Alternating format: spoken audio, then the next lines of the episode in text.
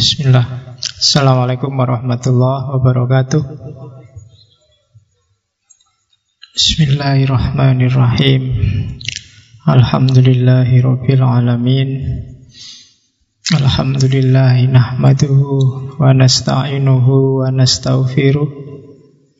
Wa na'udhu billahi min syururi anfusina wa min sayyiati a'malina May yahdihillahu fala mudhillalah wa may yudlilhu fala hadiyalah.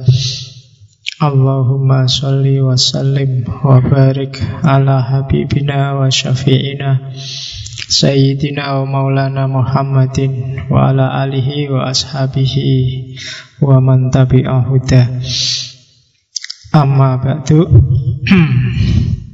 Bismillah, mari kita lanjutkan ngaji kita malam hari ini Yang belum ngambil teh silahkan ngambil. Daripada nanti ngantuk di tengah jalan. Ya. Oke. Okay. uh, eh, Malam ini kita mulai sesi ideologi isme Ideologi itu banyak. Cuma kita ambil satu bulan ini aja Kita ngomong ideologi bagian pertama. Mungkin pada saatnya kita akan ngomong ideologi bagian kedua.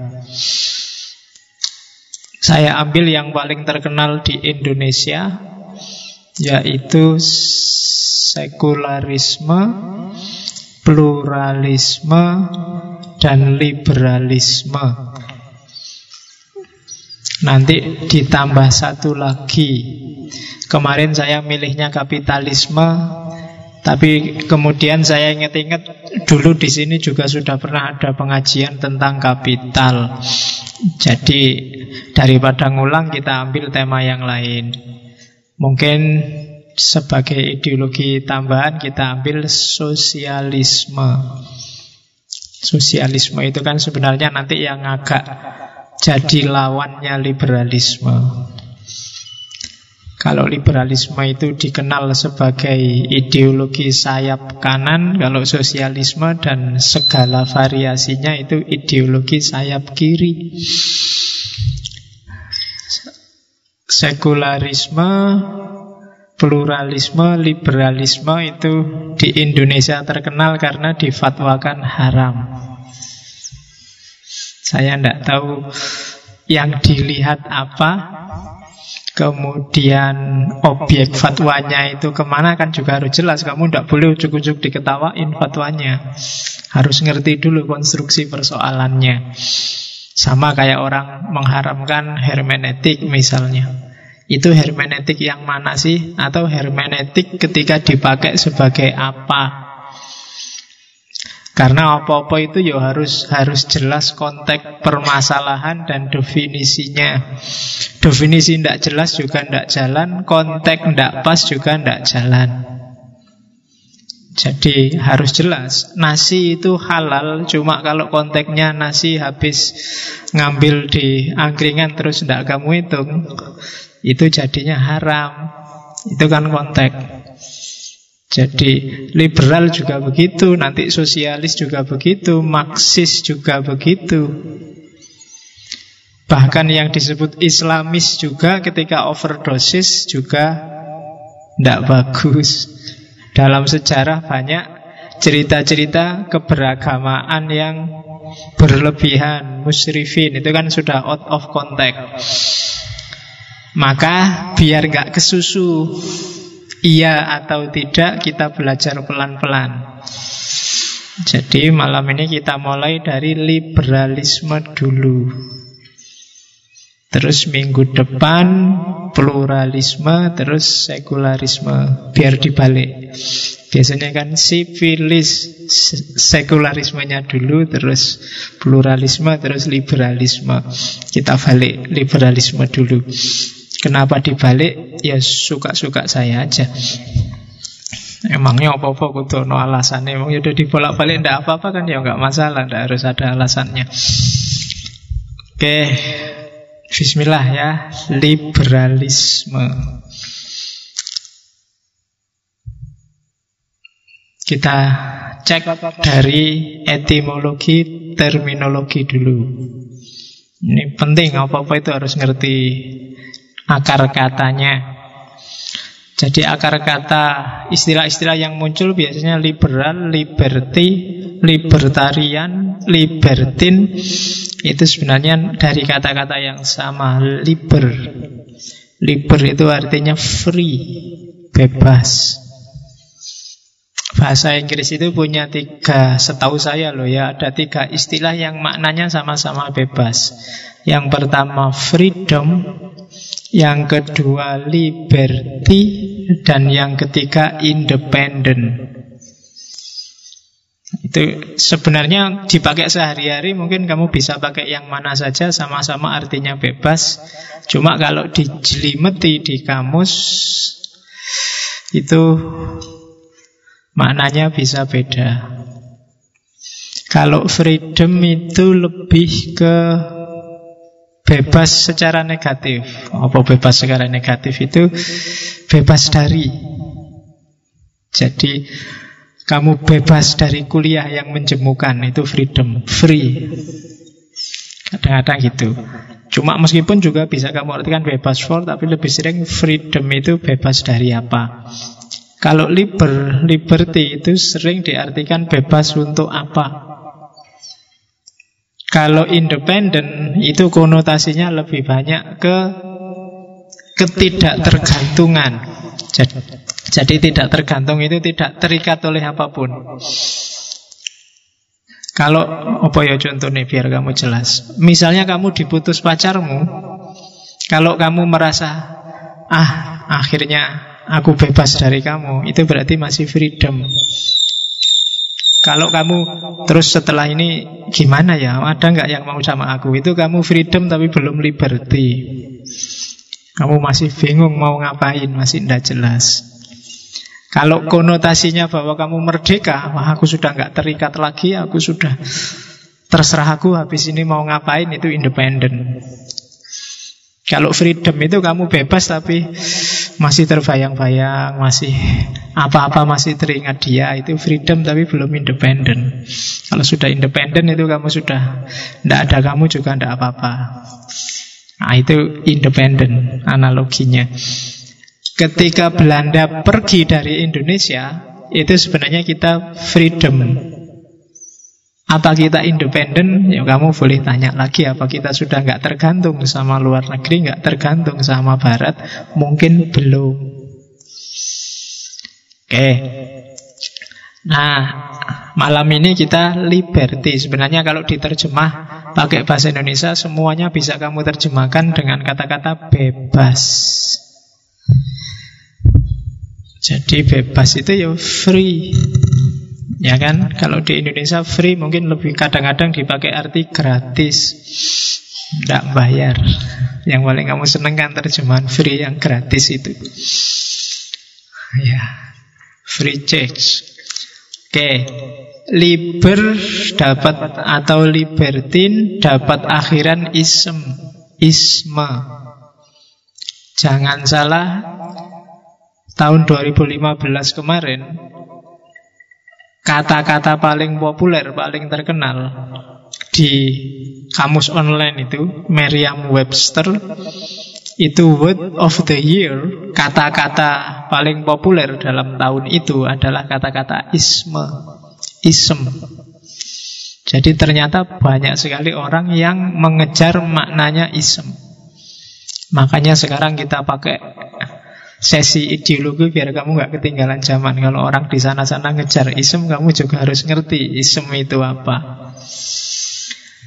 Isem itu kalau di barat muncul dipakai sekitar abad 17 tahun 1680-an sekian oleh filosof namanya Thomas Carlyle yang nanti diteruskan oleh Bernard Shaw.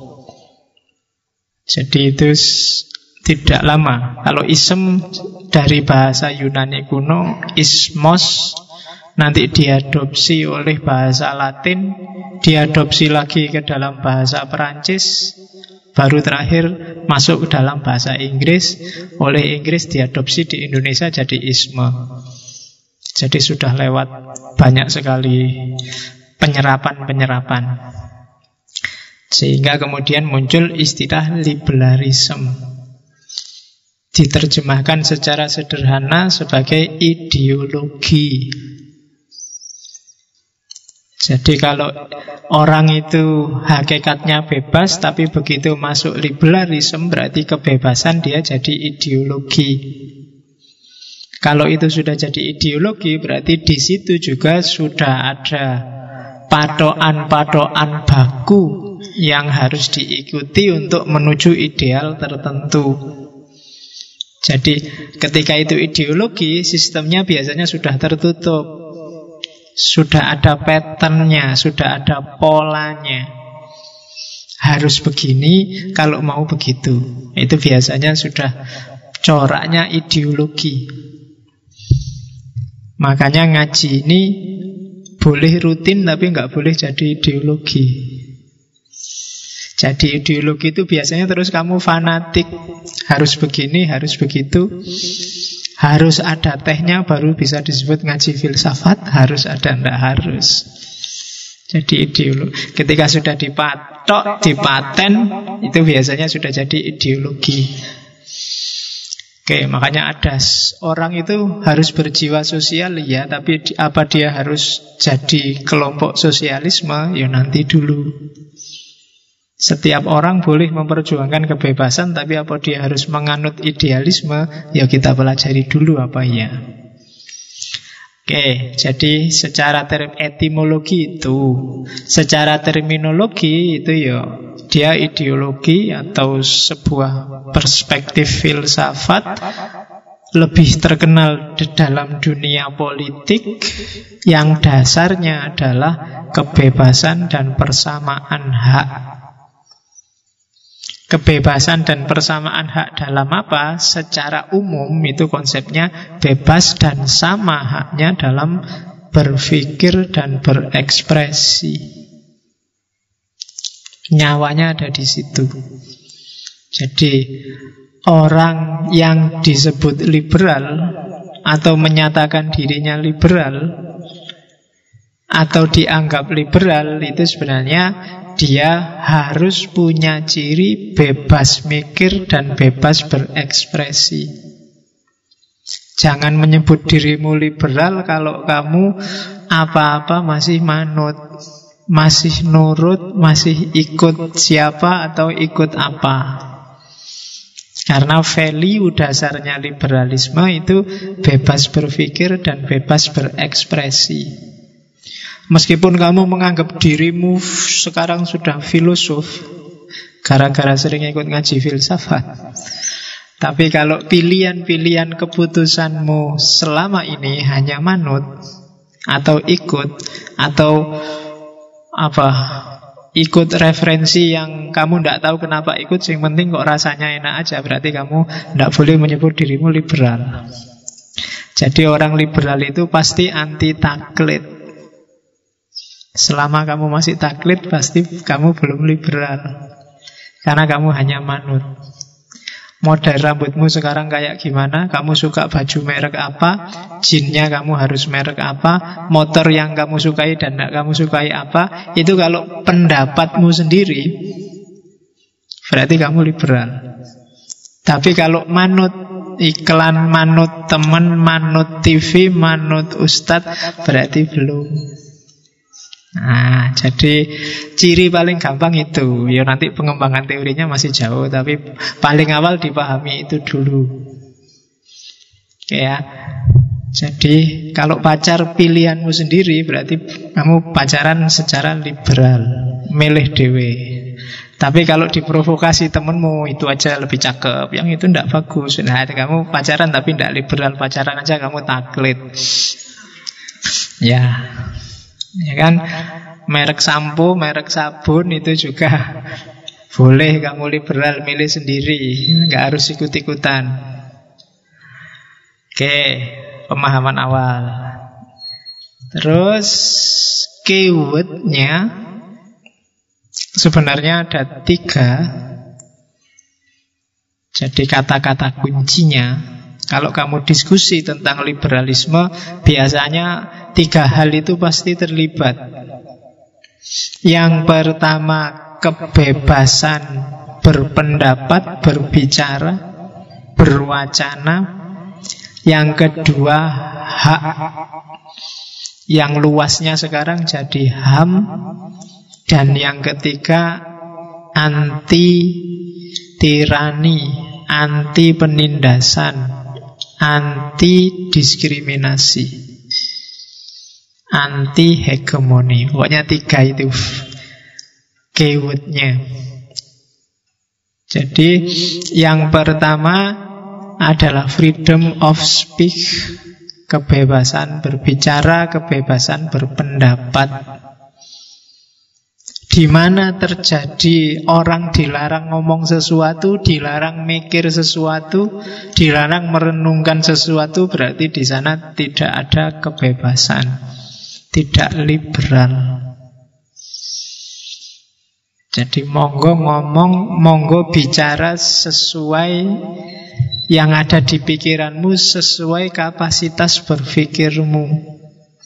Setiap orang bebas dan berhak maka kamu jangan minder kalau sekedar mikir dan ngomong. Urusan keliru itu urusan selanjutnya. Biar diluruskan yang pinter. Selama ini kan kamu sering minder, mau ngomong khawatir salah ya Pak. Ya ndak apa-apa, omongkanlah biar yang lain ngerti salahnya di mana terus kamu dibenarkan kan gitu. Kalau khawatir salah kamu diem aja, kamu tidak menghargai dirimu sendiri. Freedom of speech itu sebenarnya kamu punya hak loh untuk ngomong. Jangan dibatin aja. Urusan benar atau salah ya nanti terbukalah kalau ada yang lebih pinter dari kamu meluruskan ya diterima. Tidak apa-apa, tidak harus marah-marah. Kadang-kadang kan orang tidak senang dikritik terus marah-marah. Tidak, freedom of speech itu kamu bebas ngomong sebagaimana orang lain juga bebas ngomong. Tapi objektif lah Kalau yang lain lebih bagus Ya akui lebih bagus Selama ini kan yang tidak terjadi semacam ini. Kalau ada orang ngomong misalnya Tidak karu-karuan kan terus dimarahi bareng-bareng. Loh kalau memang keliru loh ya jangan dimarahi. Ingatkan salahnya di mana. Kayak dulu waktu kita sesinya Isa itu kan Yesus itu kan. Jadi satu kali Yesus ini ngomong, ngomongnya mungkin bagi orang yang diajak ngomong, ini bahasa Islamnya kan dakwah. Yesus ini salah ngomongnya. Terus Yesus ditampar oleh orang itu. Ya karena ajarannya Yesus kan kalau pipi kanan ditampar dikasih pipi kiri. Cuma katanya Yesus, kenapa kok kamu tampar aku? Kalau omonganku salah, ya luruskan, benarkan. Kalau omonganku benar, lo kenapa kok aku mbok tampar? Jadi, ya kalau pakai logikanya Yesus, kalau ada orang ngomong salah, orang berpendapat salah, ya jangan dimarahi. Hari ini kan banyak kan orang ngomong terus dianggap salah, terus dibully habis-habisan.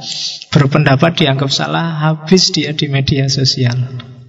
Itu bagi saya yang tidak arif itu justru yang marah-marah. Loh, orang mikir dan salah itu kan wajar. Ingatkanlah. Luruskanlah kalau kamu ngerti mana yang lebih lurus. Dan sekarang lebih sadis lagi orang yang bully itu juga tidak tahu salahnya di mana, yang lebih lurus di mana. Sing penting kamu ikut-ikutan bully. Dan itu budaya kita hari ini. Salah kamu tidak tahu di mana karena yang lain maki-maki, marah-marah, terus kamu juga ikutkan maki-maki dan marah-marah. Kadang-kadang alasannya simpel, bukan kelompokku. Nah, itu bagi saya penyakit. Oke, jadi freedom of speech dalam pengertian itu Selama ini orang menafsirkan freedom of speech itu orang bebas ngomong sakar PDW. Ya kasarnya begitu tapi pasnya tidak semacam itu. Ya ngomonglah sesuai yang ingin kamu ekspresikan Orang lain juga bebas ngomong tentang yang apa ingin dia ekspresikan. Urusan mana pas, mana nggak pas, mana benar, mana nggak benar itu urusan selanjutnya. Bukan berarti orang bebas ngomong terus yang ngawur juga harus dianggap benar. Enggak. Tidak ada urusan ke sana. Selama ini orang takut kalau dibebaskan ngomong, dibebaskan berekspresi, nanti rusak tatanan ini. Enggak. Biarkan orang ngomong sesuai keinginannya. Kalau keliru diluruskan. Kalau dia nggak ngomong karena takut dimarahi terus diem-diem aja melakukan aktivitasnya, lahirlah gafatar. Terus kamu kaget, lu kok banyak sekali yang ikut, kok nggak denger aku? Ya karena mereka selama ini nggak berani cerita. Kalau cerita kamu marahi bareng-bareng. Akhirnya dia diam-diam, tidak ada yang meluruskan. Sekarang baru kita kaget. Oke, jadi freedom of speech. Kadang-kadang besok kamu inget-inget ya kalau punya anak, punya saudara, berhadapan dengan orang yang gampang marah, kalau kamunya sendiri sok menyalah-nyalahkan, biasanya mereka tidak akan terbuka sama kamu freedom of speech-nya tidak dia pakai dan akhirnya kamu tidak paham tentang anak-anakmu, tentang saudara-saudaramu. Akhirnya kamu kaget kalau dia, lu kok sudah kayak gitu pikirannya. Oke, maka freedom of speech nilai pertama yang dijamin. Terus hak kalau dalam liberalisme yang paling dikenal semboyannya life, liberty, and property. Life itu hidup merdeka, not under everyone. Setiap manusia setara. Semuanya kalau dalam agama levelnya adalah makhluknya Allah. Tidak ada yang lebih tinggi. Yang ada hanya beda fungsi.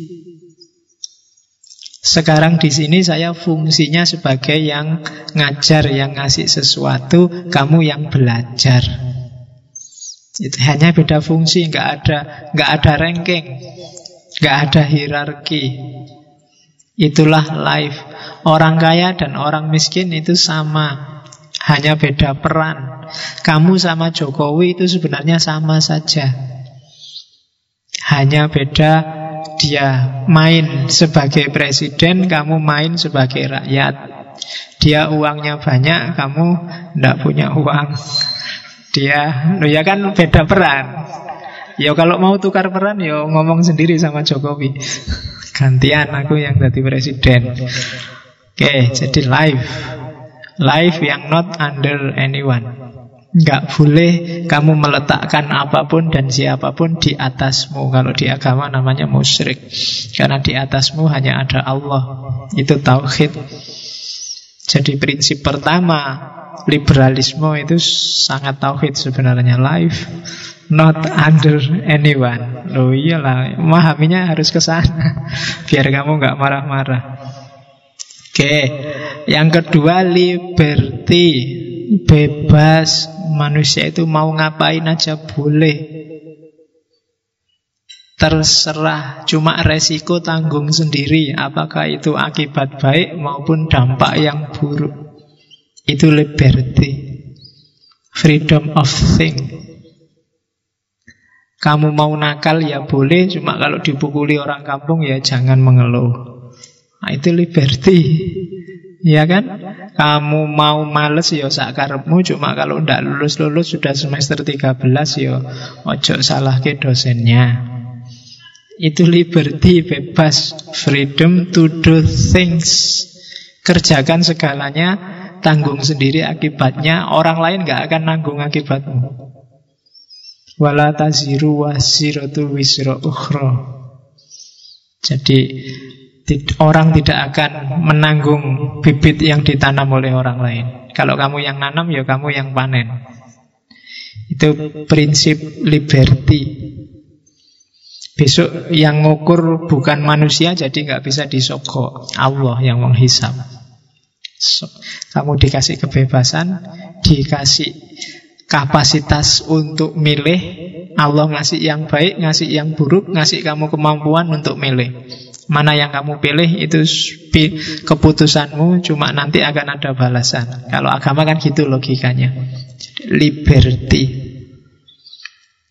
Yang ketiga properti. Ini nanti yang ada hubungannya dengan ekonomi. Di liberal hak milik itu dihargai. Freedom to own things. Kamu boleh punya apa saja dan jadi milikmu. Nanti ini agak beda sama sosialis. Hal-hal tertentu nggak boleh dimiliki oleh seseorang, harus dimiliki bersama. Tapi kalau di liberalisme, kalau kamu mampu dan kuasa, jadi milikmu juga tidak apa-apa.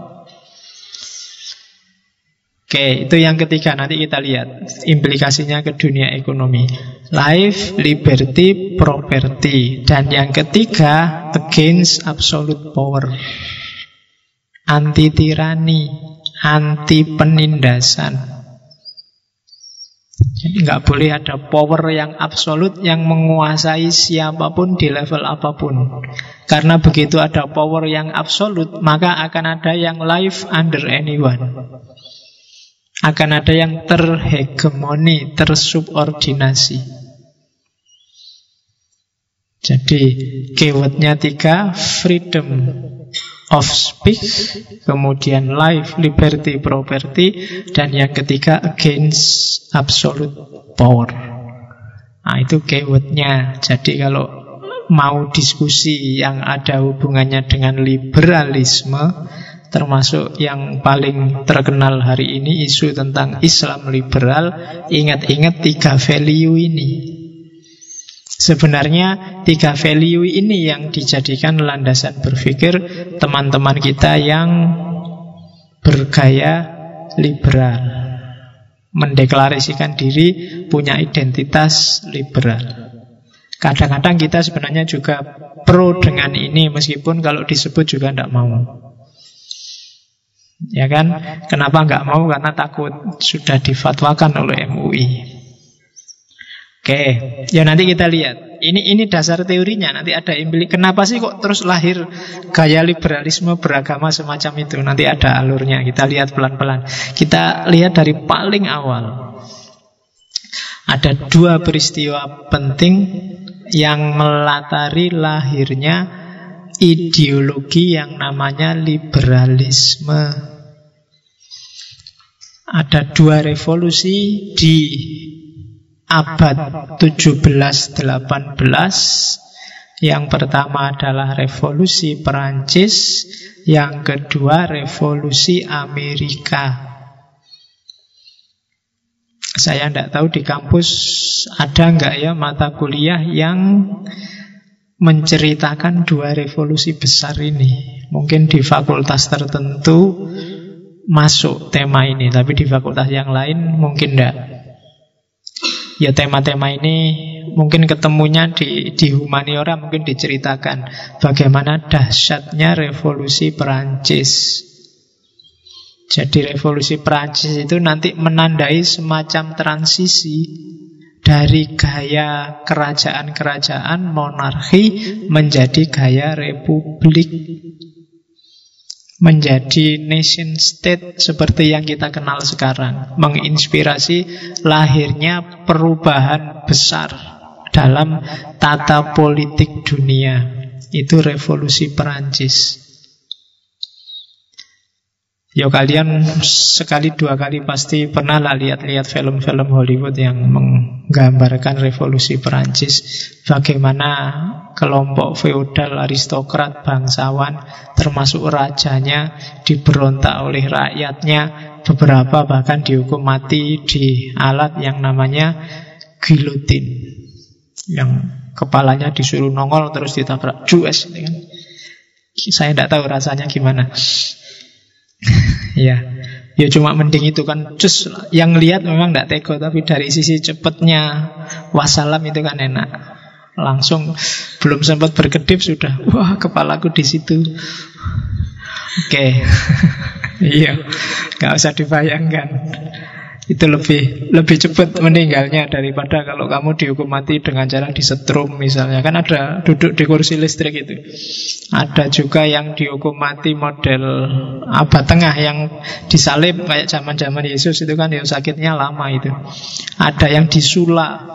Disula itu ada kayak kayak tiang panjangnya yang lancip terus orangnya di ditancapkan dari atas mulai dari belakangnya itu jadi dia tembus dari bawah sampai sini. Itu namanya disula.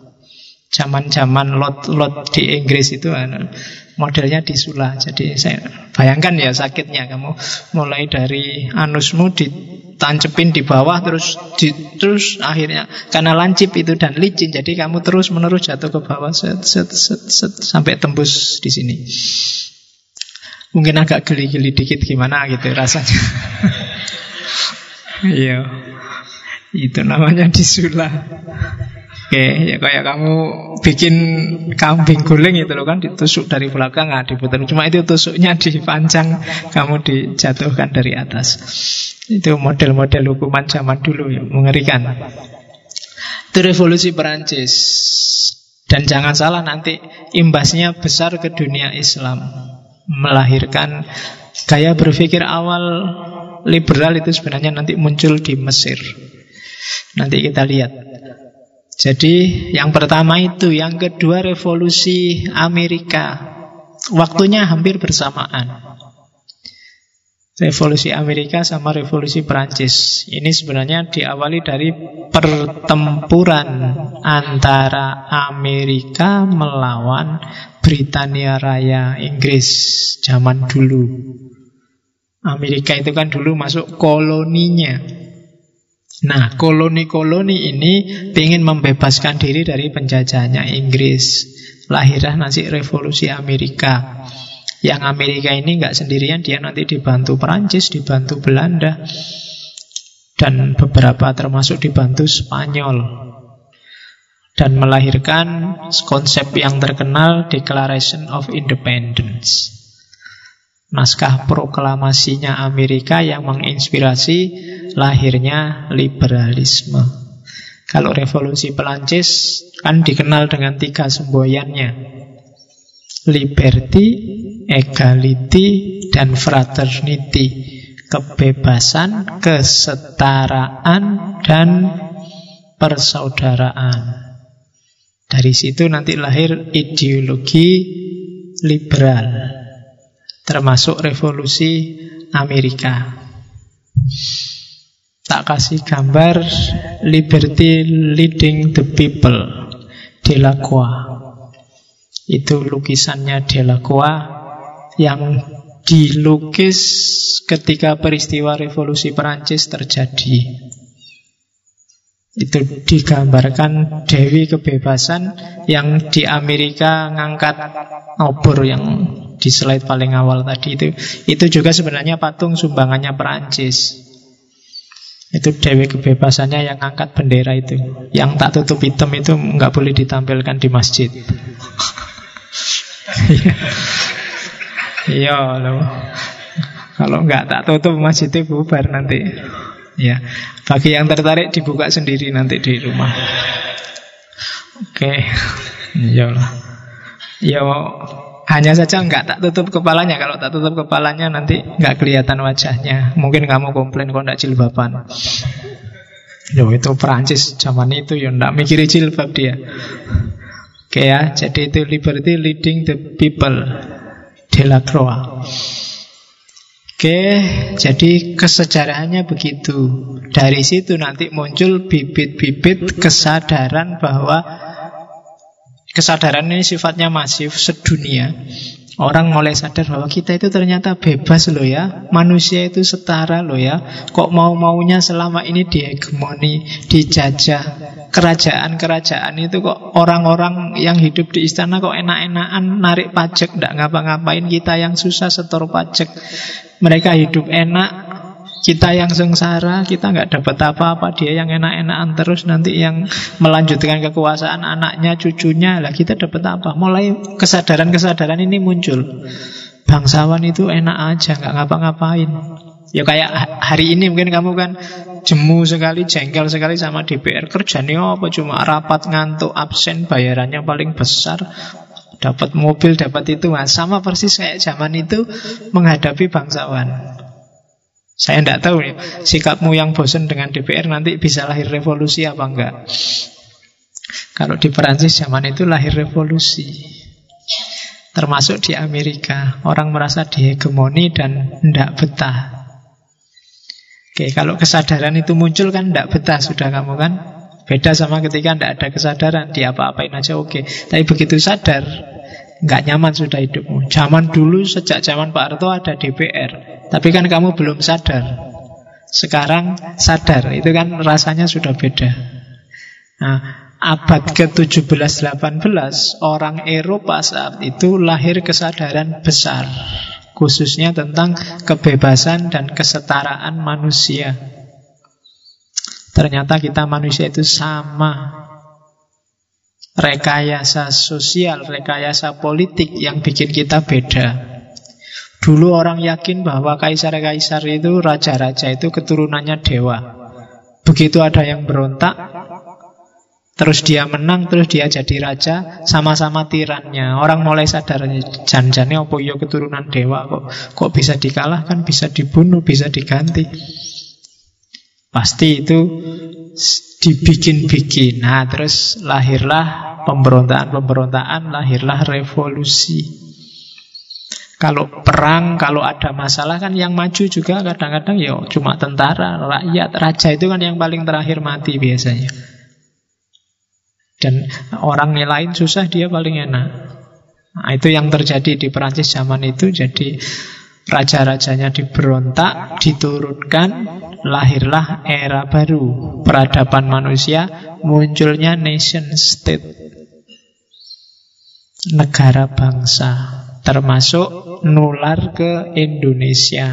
Semangat ini juga kan nanti nular ke Indonesia. Orang mulai sadar, loh ya kita ini ternyata dijajah ya. Tidak cuma oleh Belanda, tapi juga oleh raja-raja kita, tapi juga oleh feodalisme, oleh aristokrasi, dan macam-macam. Oke. Dua filosof besar yang turut andil dalam merancang tumbuhnya benih kesadaran itu adalah John Locke dan Thomas Hobbes. Nanti juga ada John Stuart Mill untuk yang liberalisme sosial. Ini dua orang berteori, teorinya kebalikannya tapi dampaknya sama.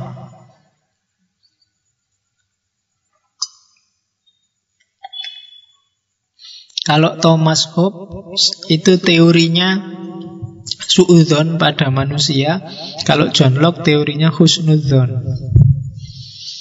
Ya, di buku-buku filsafat nggak ada kamu cari husnudon dan suudon itu.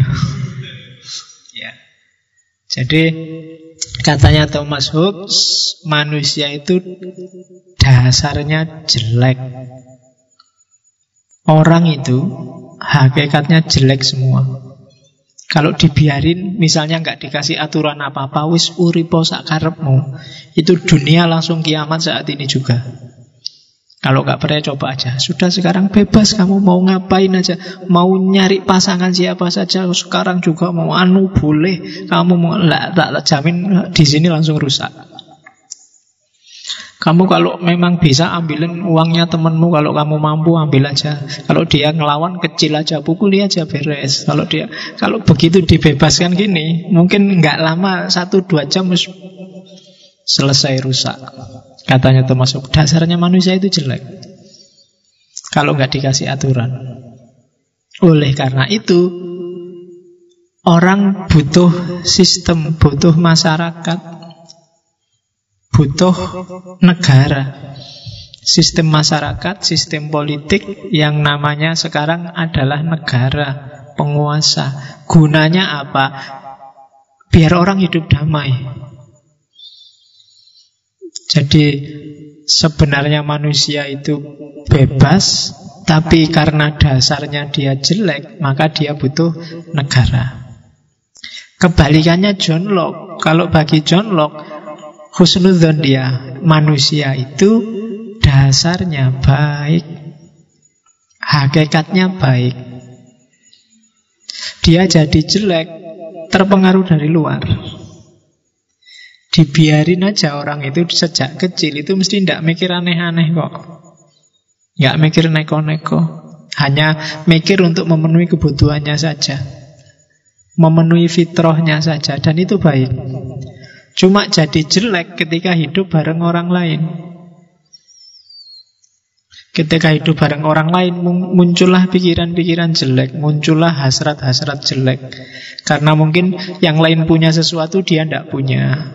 Yang lain punya banyak, dia punya sedikit. Yang lain selalu yang bikin kita jelek. Katanya John Locke. Oleh karena itu, kita butuh negara. Gunanya negara apa? Gunanya negara jadi wasit. Jadi biarkan orang sesuai keinginannya, sesuai gayanya hidup. Terserah dia mau hidup kayak gimana monggo. Cuma kalau pas waktunya tabrakan, aku kepentinganku A, kamu kepentinganmu B kok ndak nyambung tabrakan. Nah, itu kan butuh wasit. Biar nggak tawuran. Di situ orang butuh negara. Jadi yang satu karena manusia jelek, dia butuh negara yang mengarahkan biar nggak melakukan yang jelek-jelek. Kalau di John Locke, karena manusia itu baik, maka dia butuh negara yang jadi wasit biar kebaikan-kebaikan ini nggak saling tabrakan sehingga jadi jelek.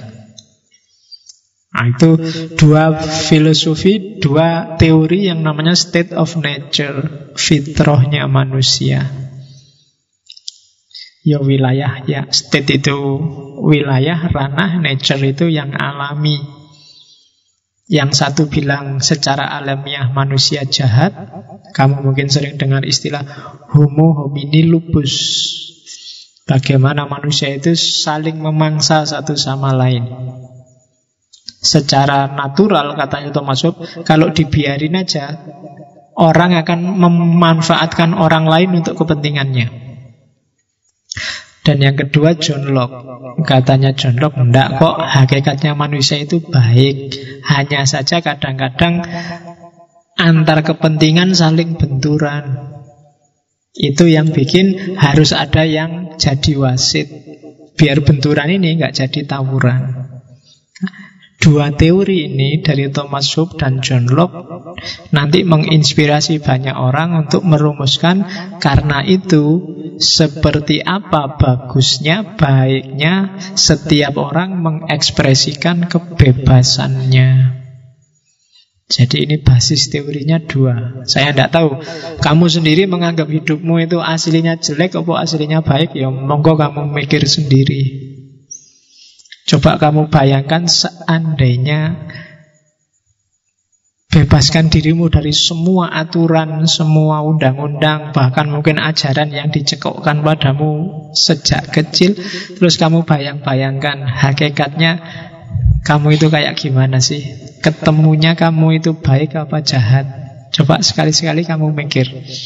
Sekali-sekali ambillah kertas, ambillah bukumu, Terus tulislah semua mimpimu.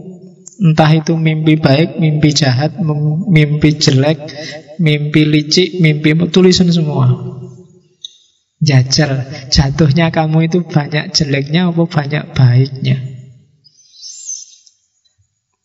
Letakkan dalam tanda kurung semua dogma jajal Ini jajal loh ya, ojo tenanan jadi dipending dulu misalnya kamu diajari harus sopan, diajari nggak boleh gini, nggak boleh gitu itu dipending dulu. Seandainya boleh, kamu pingin apa sih?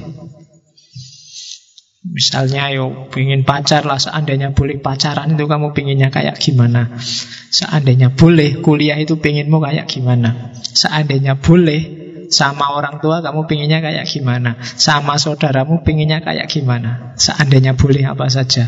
Jajal kamu bikin daftar kayak gitu. Nanti akan kelihatan. Janjane kamu itu dasarnya jelek apa dasarnya baik. Ya ndak usah dikasih tahu orang lain buat dirimu sendiri. Kok ketemunya ternyata kamu itu jahat sekali, ya bertobatlah. Berarti pikiranmu itu pikiran agak gelap. Kalau bagus, ya pertahankan itu. Bagi saya dua orang ini, baik Thomas Hobbes atau John Locke, tidak bisa digeneralisir. Kadang-kadang kamu kayak Thomas Hobbes. Kalau dibiarin nguatiri. Ya, kalau nggak dikasih pagar habis sekelilingmu. Tapi kadang-kadang juga kayak Thomas Hobbes. Oke. Jadi basis filosofinya itu. Yang satu bilang fitrah manusia itu jelek, yang satu bilang fitrah manusia itu baik. Tapi dua-duanya sama-sama bebas. Karena dia bebas, sementara yang satu jelek, yang satu baik, maka orang butuh aturan. Untuk ngopeni aturan butuh penguasa. Lembaganya penguasa itu hari ini namanya negara. Kalau nggak ada negara yang pro demokrasi dan anti demokrasi, mungkin sudah perang sejak dulu. Kalau nggak ada negara, mungkin bahkan apa wis NU dan Muhammadiyah itu sudah pukul-pukulan sejak lama. Itu gunanya negara. Oke ya, itu state of nature. Nah, dari ide dan sejarah dan filosofi tadi Nanti lahir pertama namanya liberalisme klasik.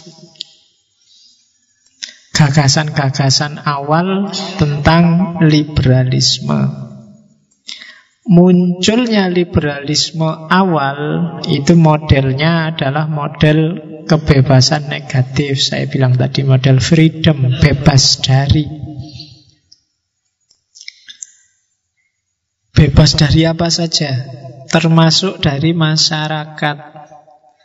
Orang-orang liberalisme klasik punya pandangan kalau bisa sistem aturan, kemudian dogma, ajaran, norma sosial, apa pun itu yang hubungannya sama kehidupan bareng seminimal mungkin.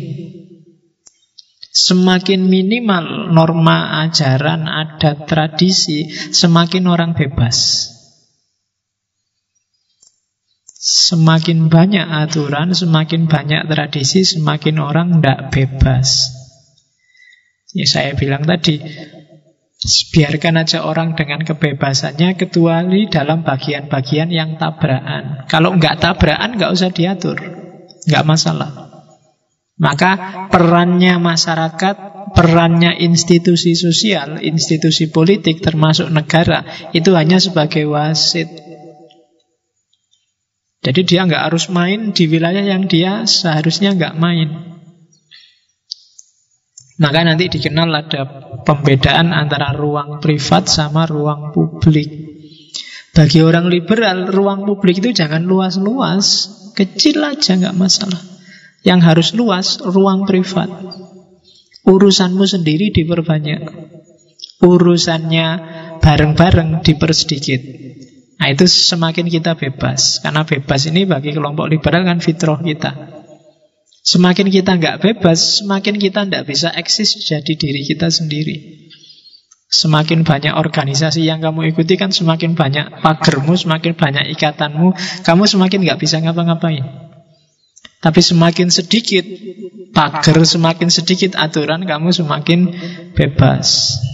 Jadi di liberalisme klasik modelnya defensif. Jadi jangan banyak aturan, jangan banyak norma, jangan terlalu banyak adat, terlalu banyak tradisi, itu sama dengan semakin nambah belenggu hidupmu. Jadi sisihkan sebanyak mungkin. Maka sebisa mungkin kayak ngaji ini biar kamu bebas. Jadikan dia lebih besar wilayah privatnya daripada wilayah publiknya. Ya contohnya misalnya sudahlah ngaji ndak apa-apa ndak pakai sarung. Terserahlah mau pakai kostum apa asal nggak pakai celana pendek apa celana dalam aja. Itu kan berarti apa? Ruang privatnya ada dan banyak dalam urusan kostum, kamu punya keleluasaan milih sendiri. Itu berarti apa? Ruang privatnya besar. Atau kita berbesar ruang publiknya. Kita seragam ya ngaji filsafat besok. Seragamnya putih-putih pakai kopiah putih.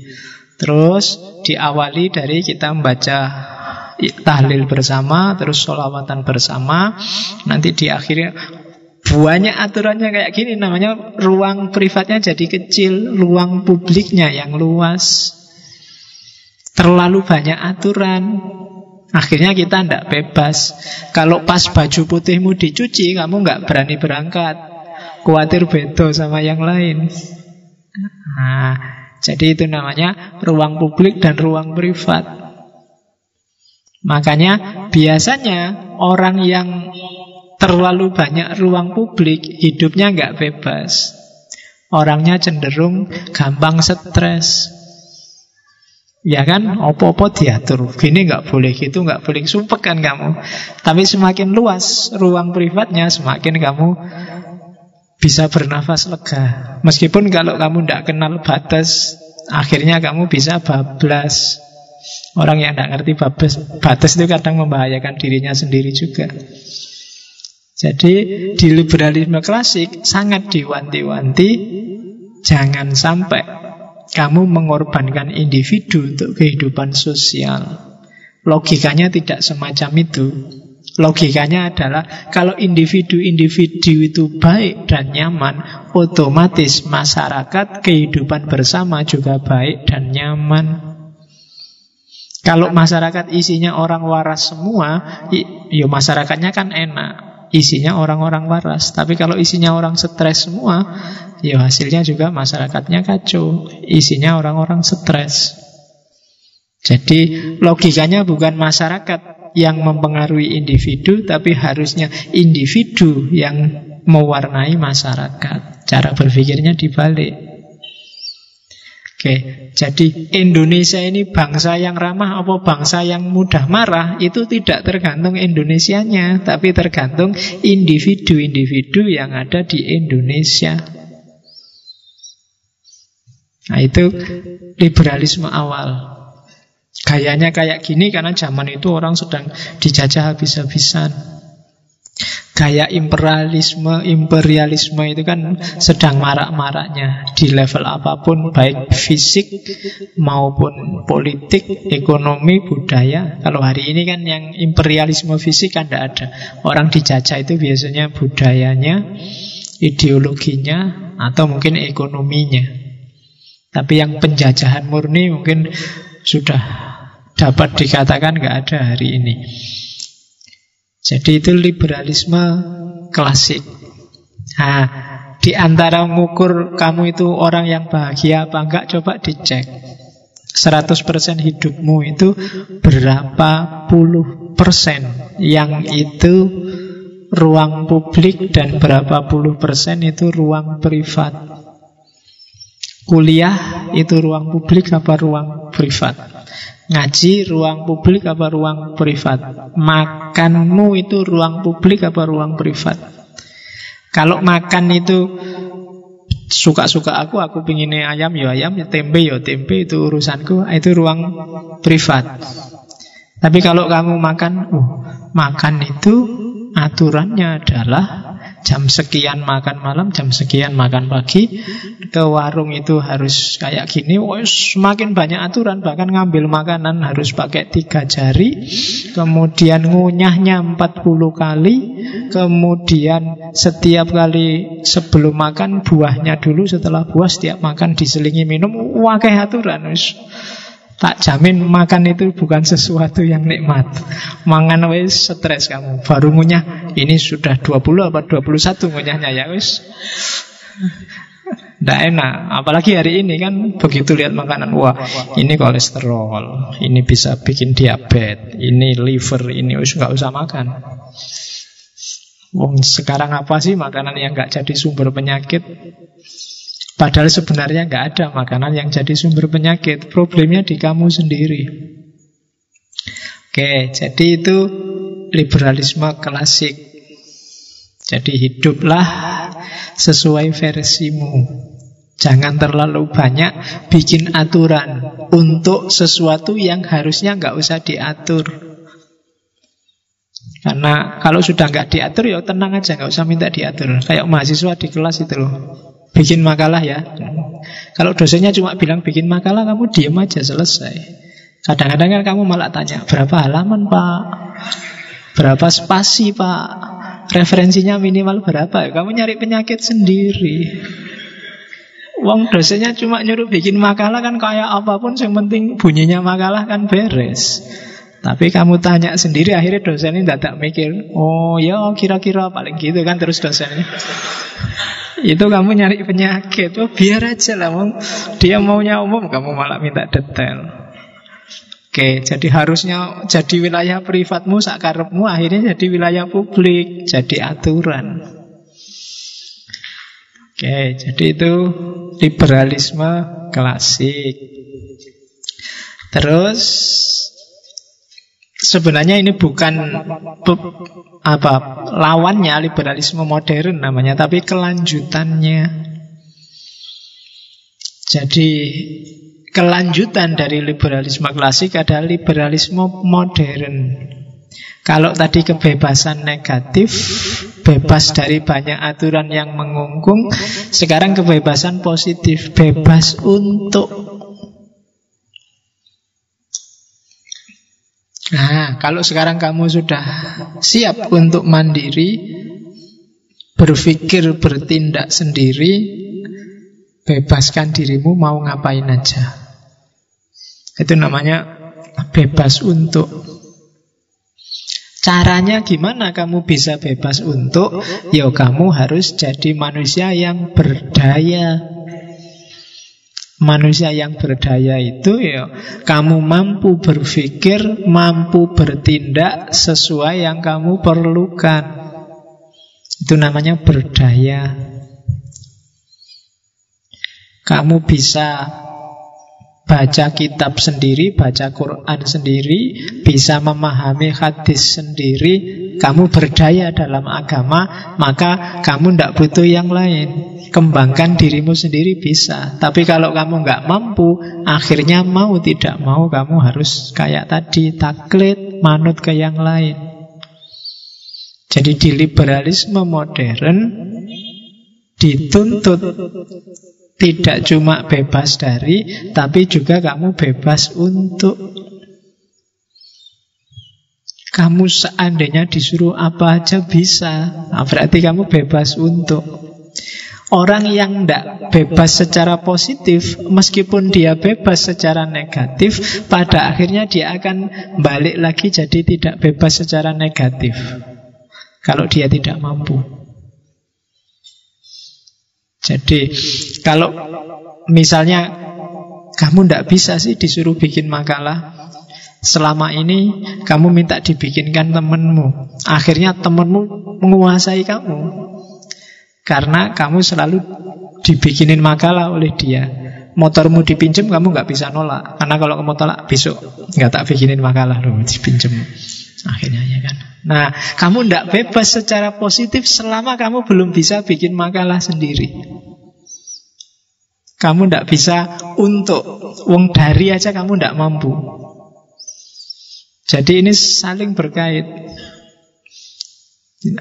Jadi setelah kamu bebas dari banyak aturan Kamu bebas melakukan sesuatu. Cuma kamu tidak bisa melakukan Kalau kamu tidak mampu melakukan sesuatu itu Akhirnya kamu akan kembali lagi di subordinasi. Jatuhnya kamu malah tidak bebas secara negatif. Dalam banyak hal. Nah, oleh karena itu liberalisme modern menuntut negara atau institusi sosial itu tidak cuma jadi wasit membiarkan orang untuk melakukan sesuatu tapi juga memberdayakan orang biar dia bisa melakukan sesuatu. Makanya negara yang nggak cuma diem aja, dia didik orang, mencerdaskan orang. Biar orang tidak tersubordinasi. Biar dia tidak terdiskriminasi. Harus ngerti ilmunya. Karena ya kayak tak jelasin waktu sesi agama-agama itu kan Semakin orang tidak paham, tidak ngerti, tidak berdaya Semakin dia tidak bisa apa-apa. Semakin dia akan mengabdi pada yang dia tidak berdaya. Oke Kalau orang dulu kan karena tidak berdaya menghadapi laut Terus buang sajen di laut Terus nyembah dewa laut Dan seterusnya karena dia tidak ngerti ilmunya tentang laut. Tapi begitu orang pinter ngerti kapal, ngerti teknologi cuaca, dia bisa menaklukkan laut. Jadi pemberdayaan individu setelah membebaskan sekarang diberdayakan di liberalisme modern.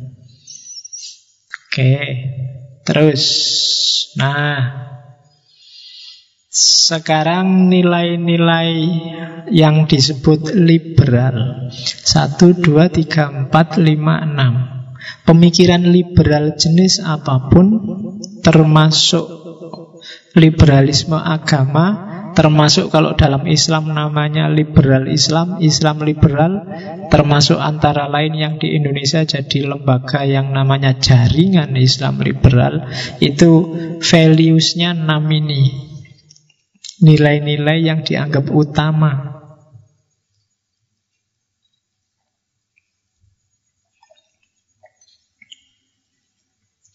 Yang pertama, hold the basic equality of all human being.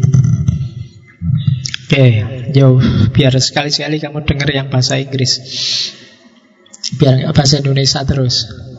Jadi hold the basic equality all of all human being itu kesetaraan. Semua liberalis itu mengedepankan pandangan bahwa setiap manusia sama, setara. Setara nggak harus diartikan sama ya. Jadi setara itu sak level jadi itu yang disebut equality. Laki-laki dan perempuan, dosen dan mahasiswa, presiden dan rakyat, kiai dan santri, takmir dan jamaah. Itu semuanya equal. Beda fungsi, beda peran saja. Jadi hold the basic equality of all human being. Tidak boleh ada anak emas, anak tiri. Setiap manusia sama. Berikan hak yang sesuai haknya. Jangan ditambahi, jangan dikurangi. Jadi hold the basic equality of all human being. Makanya ini pandangan yang anti menang-menangan, apalagi sombong, apalagi angkuh, termasuk juga anti minder. Minder itu berarti kamu meletakkan dirimu di bawah yang lain. Kalau sombong, kamu meletakkan dirimu di atas yang lain. Dua-duanya nggak boleh. Karena itu berarti kamu memposisikan dirimu tidak setara. Setiap manusia ya, itu setara. Yang kedua, treat the others itu kebanyakan S, the other reason equally. Perlakukan pikiran yang berbeda, pikiran orang lain secara setara. Setiap orang itu mikir sesuai kapasitasnya sendiri-sendiri, sesuai konteksnya masing-masing. Maka yo jangan disepelekan, jangan didiskriminasi hanya karena siapa yang ngomong. Jangan mentang-mentang kamu mahasiswa, terus kamu pulang kampung, ketemu orang kampung yang tidak mahasiswa, terus pendapatnya kamu anggap tidak level. Jangan mentang-mentang kamu rajin ngaji filsafat Terus ada orang baru belajar filsafat Terus ngomong filsafat Kamu anggap tidak level Apa baru kayak gitu? Ilmuku sudah ngaji puluhan kali di masjid itu. Gak ada apa-apanya itu. Wah. Ya. Jadi setiap orang punya kapasitas sendiri. Setiap pendapat harus dihargai. Sama kayak kamu punya adik yang kecil misalnya, itu kan cara mikirnya versi dia sesuai makomnya dia. Dan kan nggak salah kalau adikmu yang kecil itu pikirannya aneh-aneh. Kamu, wah, ndak masuk akal itu dek, apalagi ndak filosofis itu dek, ndak nyambung. Orang tekan, adikmu ndak akan nyampe ke sana. Dia ngomong sesuai levelnya dia. Ya kamu yang harus ngikuti levelnya dia. Kalau karena kalau dia ngikuti levelmu nggak nyampe. Jadi treat the other reason equally. Terus yang ketiga, kalau urusan politik, government by the consent of the people or the government. Pemerintahan, kelembagaan apa pun, pemimpin, penguasa itu menjalankan kekuasaannya sesuai konsen. Konsen itu semacam izin, semacam persetujuan yang dipimpin. Ini kunci untuk tidak lahirnya tirani, otoritarianisme, diktatorship. Apakah narik pajak besar itu tiran, Pak? Enggak, kalau ada consent of the people. Kalau rakyatnya setuju ya enggak apa-apa. Biar negara kita maju, pajaknya kita naikkan dua kali lipat, Pak. Enggak apa-apa kalau rakyatnya setuju loh ya. Meskipun enggak naik, tapi tidak ada konsen dari masyarakat, itu namanya tetap diktatorship tirani. Oke. Harga BBM turun tapi masyarakat tidak mengizinkan. Itu juga sejenis tiran. Harga BBM naik dua kali lipat tapi ada consent people itu disebut pemerintahan yang demokratis. Jadi government by the consent of the people. Kuncinya ada di rakyat karena penguasa, pemimpin itu melayani kepentingan rakyat. Yang ketiga, di emphasis of individual. Tekanannya pada individu. Seperti dijelaskan di atas. Yang ke 1, 2, 3, 4, 5 The state is instrument. Negara itu hanya alat. Lembaga sosial itu hanya alat. RT, RW, dukuh lurah, camat, bupati, gubernur itu hanya alat. Tujuannya apa? Kesejahteraan, ketentraman rakyat. Ketentraman rakyat itu apa? Ketentraman kepuasan individu-individu yang ada di dalam situ. Jadi ujung akhirnya pasti individu. Jangan dibalik. Jadi negara untuk rakyat, bukan rakyat untuk negara. Cara mikirnya jangan dibalik kalau katanya orang liberal. Jadi harus perhatikan kepentingan individu. Kalau individu-individu ini beres semua, makmur semua, otomatis Indonesia makmur.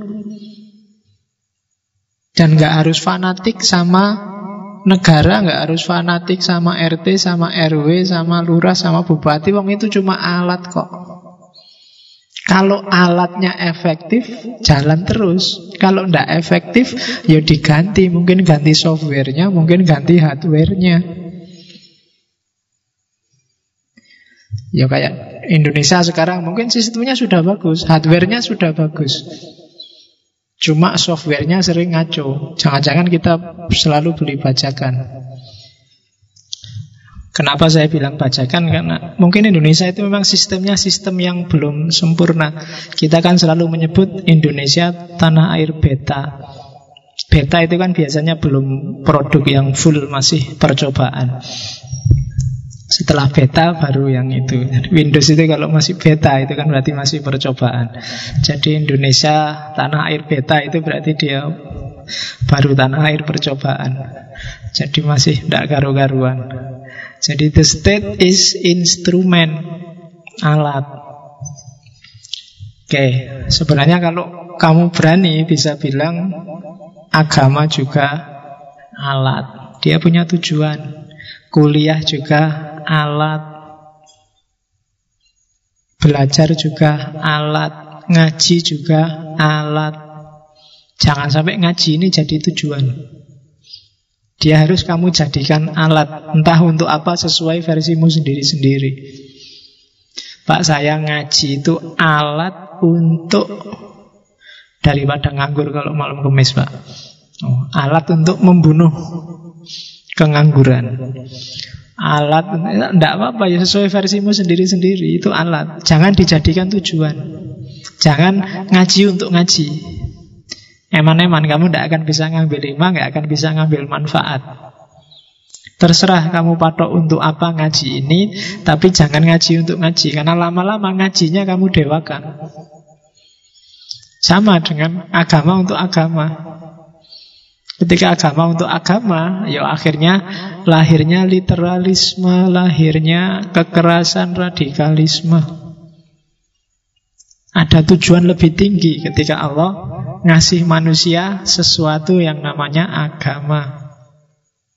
Jangan sampai demi alat, demi wasilah kita kehilangan tujuan, kehilangan goyah. Oke. HP itu juga alat. Ya kan?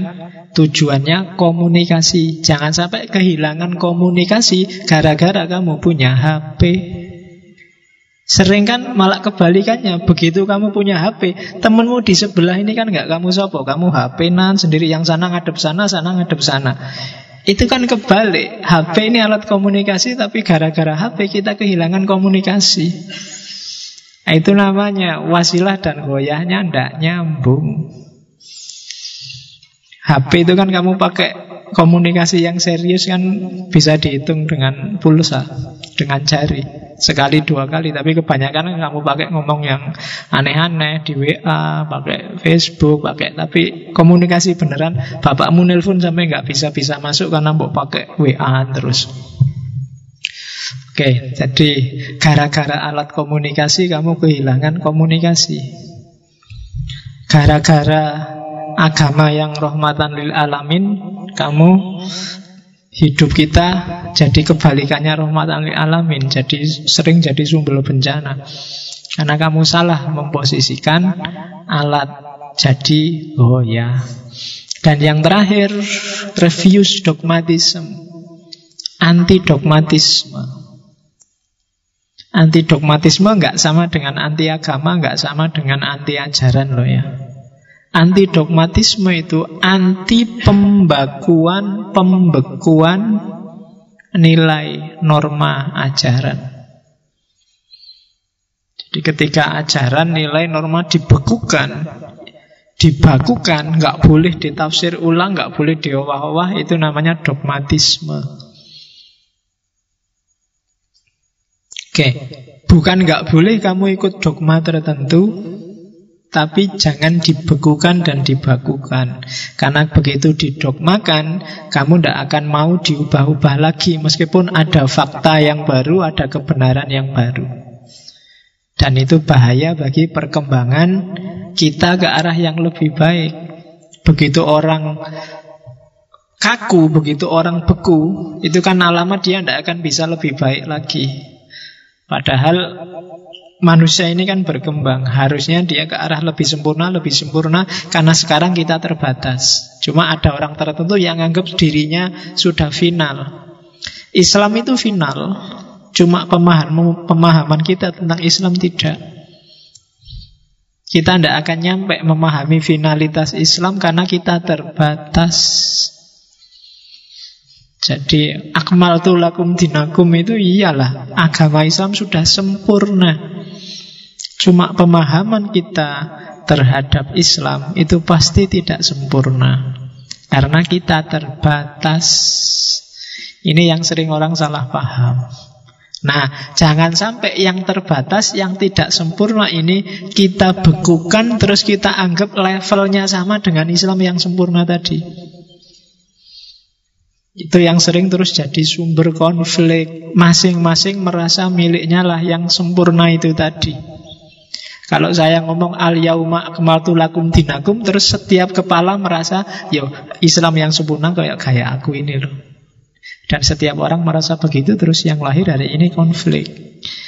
Nah, gaya liberal dogmatisme semacam itu ditolak. Jangan dogmatis lah. Kalau dogmatis nanti beku.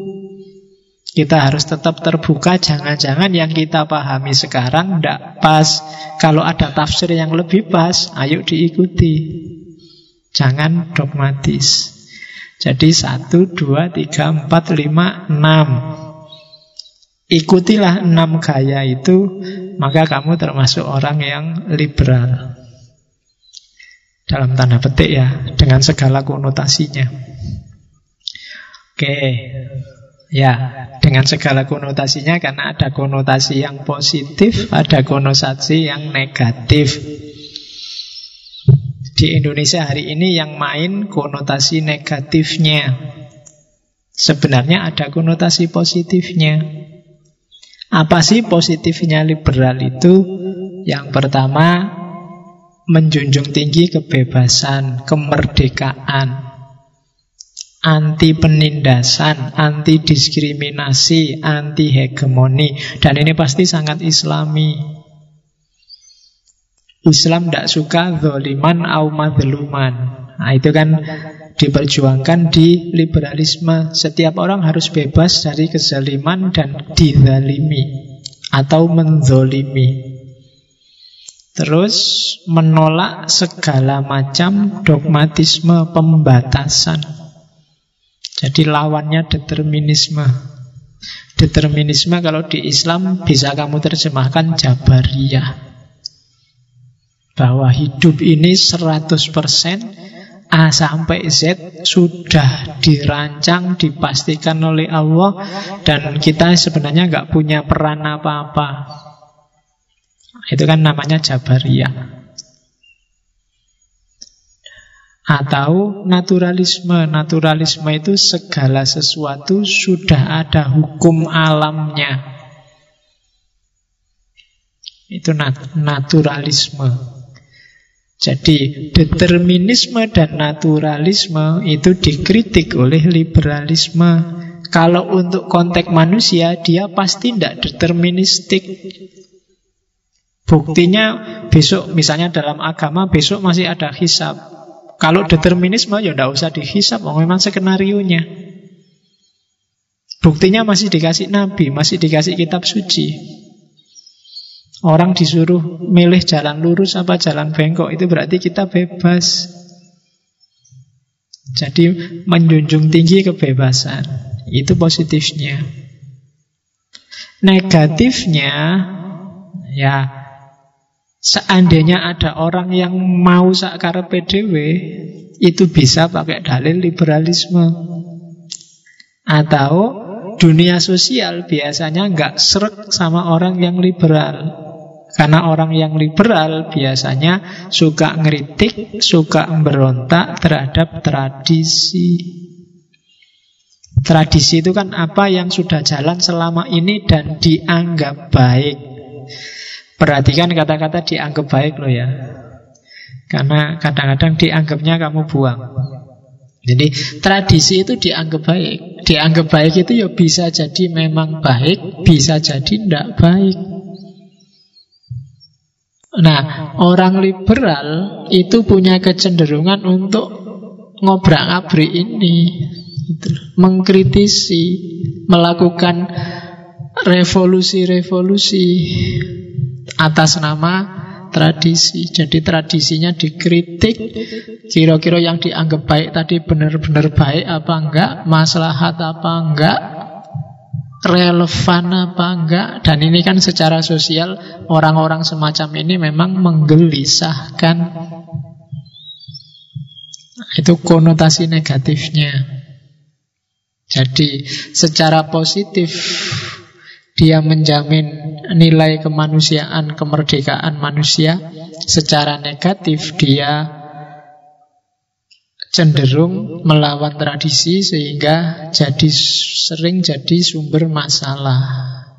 Cuma visinya sebenarnya yang di atas tadi. Ini saya sebut konotasi. Konotasi itu bisa dibawa ke sana, bisa dibawa ke sini.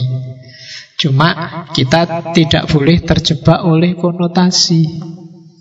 Konotasi itu kan berarti sudah kesannya orang.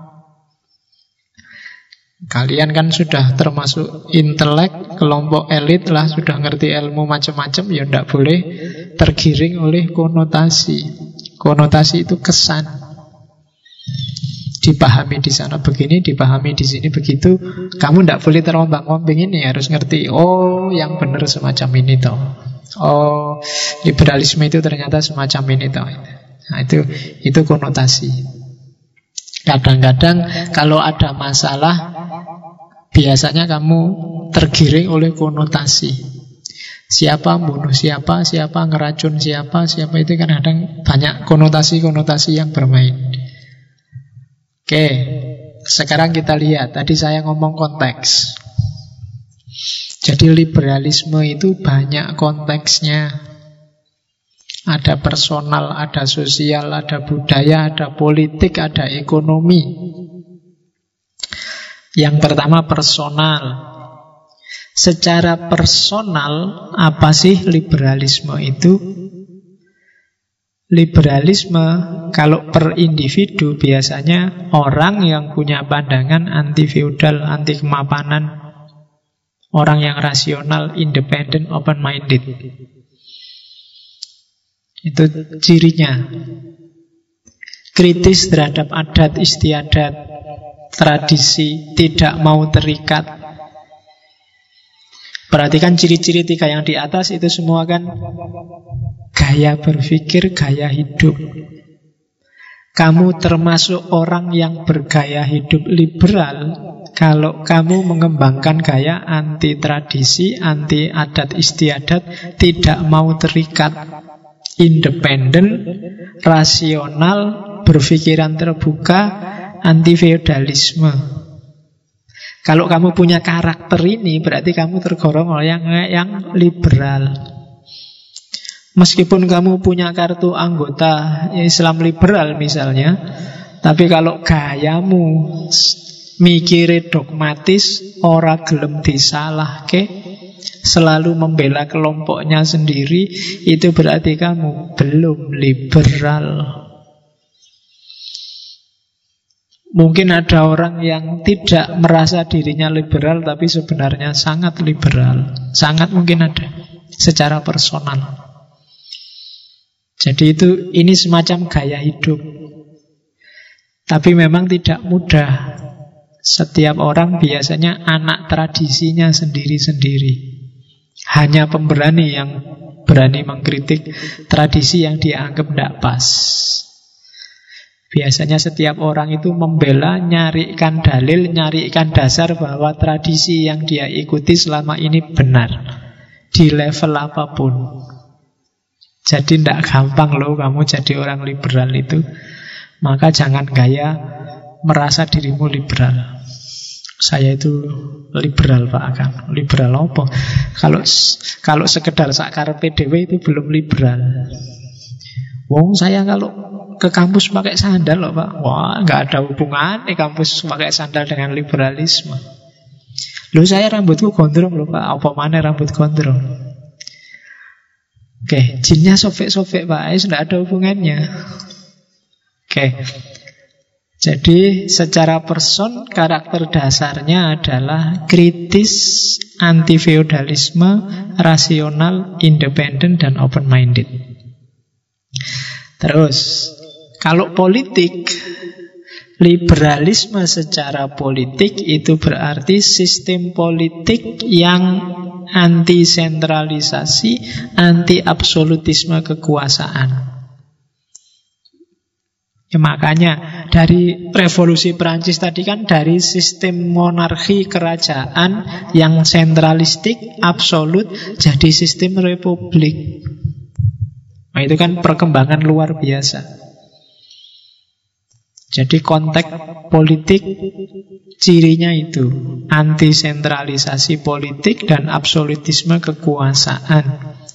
Terus ciri kedua biasanya mencurigai segala bentuk kekuasaan yang cenderung menindas. Biasanya itu dicurigai. Caranya gimana sih biar kekuasaan itu tidak menindas ya? Biasanya dibikinkan namanya konstitusi. Kalau di Indonesia ya undang-undang. Jadi itu liberalisme politik. Ya contoh paling gampang ya Indonesia ini sebenarnya model republik, model ada DPR presidentil itu sebenarnya baunya sebenarnya bau liberal. Coraknya corak liberal. Oke, terus itu kalau politik. Kalau budaya dalam konteks budaya adalah liberal itu biasanya menoleransi, membiarkan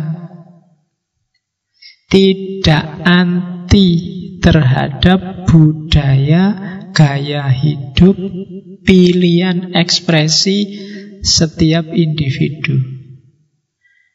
Lembaga-lembaga sosial nggak boleh ikut campur. Ya termasuk misalnya tak kasih contoh yang ekstrim ya. Pemerintah nggak boleh ikut ngatur-ngatur sastra. Orang mau nulis apa aja boleh. Itu haknya dia. Kayak di Denmark Bikin kartun Nabi Muhammad. Oh itu yo haknya mereka yang bikin kartun. Itu itu dalam konteks budaya. Kalau kamu marah, jangan kamu demo yang bikin kartun, bikinlah kartun tandingan yang sama-sama melecehkan biar tambah rusak. Jadi maunya mereka begitu. Lo ini kebebasan pers ya. Ah, kalau mereka nggak bisa dikomplain ya satu-satunya jalan ya kamu bikin aja kartun tandingan. Entah dengan gaya kayak gimana. Nah itu maunya mereka begitu Seni Atau otonomi kampus akademisi Bahkan perjudian. Sek, sek sana kan juga sek yang liberal, bebas. Kalau suka sama suka, monggo aja. Yang tidak boleh dipaksa. Meskipun sama pacarnya Bahkan sama istrinya Kalau itu dipaksa Urusannya penjara, polisi. Jadi kalau kamu besok punya istri kok dipaksa, istrinya nggak mau, oh itu kamu istrinya bisa lapor polisi. Jadi kalau pas malam pertama terus istrimu takut terus nggak mau, awas jangan jatuh jatuh aku. Oh itu kalau kamu paksa, kamu besok pagi bisa masuk lapor polisi. Iya. Jadi makanya hati-hati apalagi kalau dalam agama kalau ada istri tidak mau melayani suami dia akan dilaknat oleh malaikat sampai pagi. Ya, nah, karena itu kalau perempuan caranya gampang, biar nggak dilaknat malaikat, di rumahmu dikasih gambar makhluk hidup. Karena kalau ada gambar makhluk hidup di rumah, malaikatnya nggak akan masuk. Jadi malaikat nggak jadi masuk, kamu nggak dilatih, akhirnya nggak tahu malaikatnya di dalam rumah. Jadi triknya begitu. Oke. Aborsi, pelacuran dan segala yang maunya dikontrol itu kalau katanya orang barat biar aja suka-suka mereka. Silahkan tanggung sendiri resikonya. Wong itu pilihan dia sendiri kok. Seks bebas kok terus hamil, kok terus aborsi, pendarahan, meninggal urusanmu dewe, salahmu dewe. Sudah ngerti resikonya toh, sudah besar toh, ya wes tanggungan dewi. Cara mikirnya begitu. Jadi itu dalam konteks budaya. Kamu mau nulis kayak gimana saja monggo itu urusan. Tapi kalau jelek, kemudian kamu dikritik banyak orang sampai habis, ya jangan marah. Oh salahnya sendiri karyamu jelek. Jadi cara mikirnya semacam itu. Bukan urusan kok bodoh banget ya. Orang seks bebas kok boleh. Enggak, karena mereka nganggap Kalau orang sudah dewasa, pikirannya sudah full Itu harusnya nggak melakukan itu. Seandainya melakukan, dia tahu resikonya Dan siap menanggung. Cara mikirnya begitu. Ya meskipun nggak nyampe ke kita kan. Termasuk yang sekarang populer itu kan LGBT apa singkatannya apa? Iyalah, kamu yang yang mengalami yang ngerti. ya, jadi liberalisme dalam konteks budaya semacam ini. Terus dalam konteks sosial.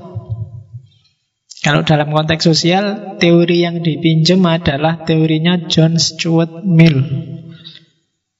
John Stuart Mill ini menulis buku yang judulnya On Liberty tentang kebebasan.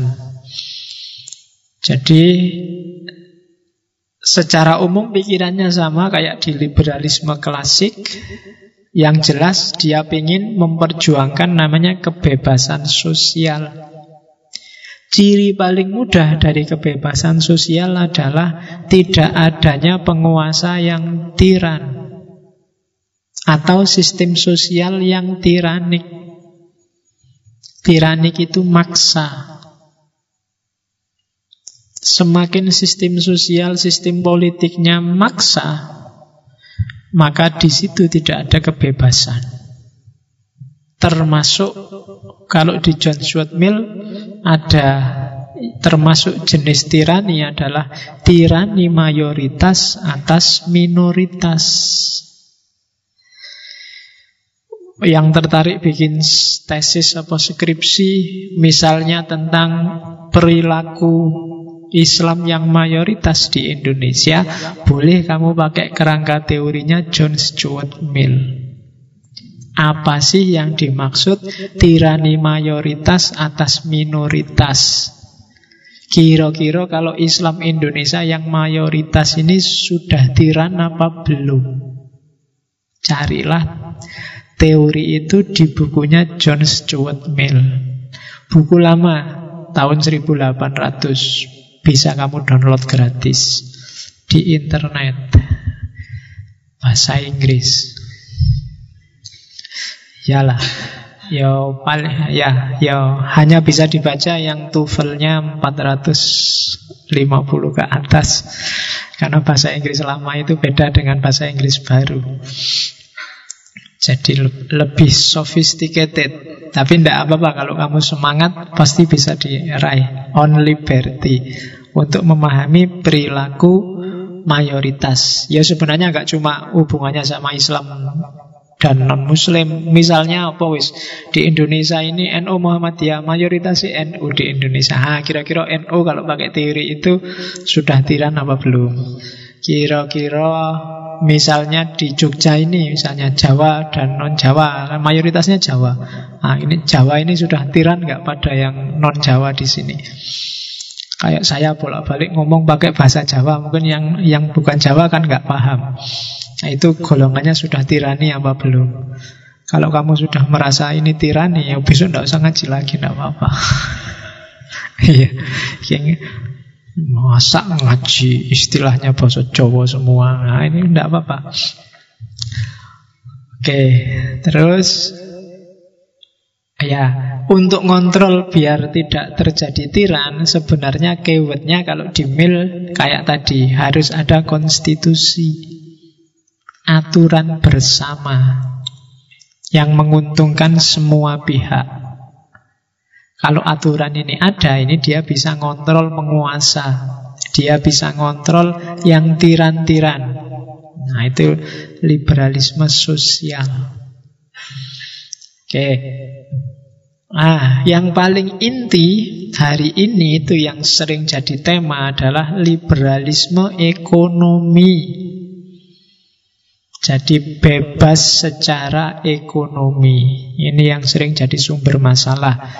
Ciri paling gampang liberalisme ekonomi itu free market, pasar bebas. Jadi, ya free market itu awal dari tadi karena orang boleh punya kepemilikan pribadi maka pasar harus bebas. Pemerintah jangan terlalu banyak intervensi. Institusi-institusi sosial nggak usah ikut main. Setiap orang silahkan bermain ekonomi sesuai kekuatannya masing-masing. Yang punya modal sekitar satu juta ya jangan mimpi buka perusahaan besar Ya sak kuatmu aja mungkin buka-buka angkringan cabang apa buka-buka. Ya angkringan cabang itu anaknya angkringan. Ya kan tidak apa-apa. Kan strateginya bisnis kan gitu. Ada loh warung soto itu yang semuanya cabang, pusatnya nggak ada. Jadi di Kaliurang cabang jalan Parangtritis, di Parangtritis cabang jalan Kaliurang terus jadi kata eh ini cabang, padahal di mana-mana cabang. Tapi kelihatan gaya kan banyak cabangnya kayak konglomerat. Kamu juga boleh gitu, angkringan apa cabang dari itu cabang. Jadi free market itu bebas. Kamu pengen bisnis kayak apa? Yang penting nggak ada paksaan, nggak ada kecurangan, nggak ada penipuan, bisnis aja sebisamu. Itu free market. Yang modalnya kuat bikin perusahaan besar ya monggo. Kamu nggak sairi. Kamu kan termasuk yang modalnya lemah. Nah, jadi yang lemah ya sesuai dengan gayamu yang lemah. Yang kuat, usahalah di level yang kuat. Itu free market. Ada untungnya, ada ruginya. Kita lihat ya cirinya. Dari prinsip itu nanti lahir yang pertama free market dan ekonomi liberal itu kayak apa sih? Semua sumber produksi adalah milik masyarakat via individu-individu. Jadi tidak bisa bumi, air, dan tanah itu milik negara, tidak bisa. Kalau airnya ada di karanganku, ya milikku. Kalau tanahnya ada di warisannya bapakku ya jadinya milikku. Negara nggak bisa mengklaim. Jadi, oh itu untuk kepentingan rakyat tidak bisa. Kalau negara butuh ya beliau dari aku bayar. Nah, itu pasar bebas. Terus masyarakat bebas milih sumber-sumber produksi. Pemerintah jangan ikut campur. Pemerintah itu cuma jadi wasit aja, nggak usah ikut-ikutan menetapkan harga lah, nggak usah harga-harga biar disepakati pasar. Nggak usah menaikkan, menurunkan. Terus yang keempat, ya masyarakat nanti akhirnya biasanya terpilah jadi dua. Ada kelompok yang menguasai sumber-sumber produksi, ada masyarakat yang hanya pekerja saja karena nggak punya sumber produksi. Terus biasanya terus muncul persaingan dalam rangka nyari untung. Terus segala aktivitas parameternya pasar. Kamu protes misalnya acara TV kok tidak mutu semua, terserah yang penting laku kata TV-nya. Orientasinya pasar. Pak ini kurikulum kok kayak gini kok Pak tidak mutu. Loh itu kemarin sudah survei, pasar minta kayak gitu. Urusannya pasar. Kalau sudah kayak gitu berarti kampusnya sudah jadi pasar. Jadi kalau ya idealisme keilmuan, bahkan agama pun ketika masuk ke ranah ekonomi kan juga jadi pasar. Ustadz atau kiai yang masuk TV boleh ngomong apa, ndak boleh ngomong apa. Misalnya, hati-hati ya ngomong tentang si A. Sekarang sensitif loh, jadi kalau ustadznya sedang berapi-api ngomong si A, begitu ada kata-kata si A terus jadi tut. TV-nya dit ngomong di, disensor terus ngomongnya untuk kepentingan pasar. Jadi itu ekonomi liberal. Parameternya pasar. Dan pokoknya maju mundurnya boleh tidaknya ukurannya pasar. Pasar masih butuh ya, pasar masih menyerap ya, dan seterusnya. Pornografi pak di internet luar biasa. Lah tapi orang-orang masih seneng ya. Yang download jauh lebih banyak daripada yang download e-book-e-book Al-Quran apa-apa itu jauh prosentasenya termasuk di Indonesia. Indonesia konsumen pornografi terbesar nomor 4 Tuh, Itu kan menurut saya Ya kita naikkan lah nomor 3 atau nomor 2 Nomor 4 kan masih belum dapat piala. Naik podium itu kan nomor 3 paling enggak. Ya, kalau bisa tahun-tahun depan kita naik podium lah, masa nomor 4 ini kan belum dapat anunya. Oke. Ya, jadi lu pasar itu kan namanya wong butuh kok. Kamu sendiri jadi produsennya juga semangat. Karena apa? Kamu juga semangat download. Sekali download dia dapat berapa? Apalagi yang model dijual model DVD lah model itu ternyata ya laris luar biasa padahal kadang-kadang tidak ada ceritanya ya wis langsung dan kamu senengnya itu loh kadang internetnya luambat juga kamu tunggu dengan setia oke okay, ya jadi uh, kamu setiap hari ngeritik ekonomi liberal kapitalisme wong kamu yang mensukseskan kok aktor-aktornya kamu juga tidak ada yang lain. Oke. Keuntungan dan kerugiannya nanti kamu baca sendiri ya. Sudah bisa diraba sebenarnya. Keuntungannya apa, kerugiannya apa. Termasuk yang saya tulis di sini. Kalau kelemahannya ya kadang jadi monopoli, yang kaya makin kaya, yang miskin makin miskin. Kalau birokratnya korup kayak di Indonesia ini pasar pasti jungkir balik. Sistem ekonomi pasti kacau. Gejolak karena penguasaan sumber-sumber produksi, persaingan bebas. Dan akhirnya hubungan sosial ukurannya kadang-kadang juga untung dan tidak untung. Agama diukur juga untung dan tidak untung. Pendidikan diukur juga untung dan tidak untung. Dan itu bunuh dirinya orang modern. Dampaknya kita rasakan sendiri. Jadi kelemahannya di situ. Oke. Hari ini dikenal isu juga neoliberalisme. 10 menit saya ngomong yang agama sebenarnya. Tapi kita agak cepat ya. Neoliberalisme itu yang sekarang orang sering debat. Itu cirinya setidaknya 1, 2, 3, 4, 5, 6. Neoliberalisme itu titik tekannya pada kepemilikan pribadi, kebebasan individual menekankan nambah numpuk harta kekayaan bukan distribusi. Jadi yang kaya makin kaya makin makin miskin tadi. Terus kompetisi pasar tanpa regulasi.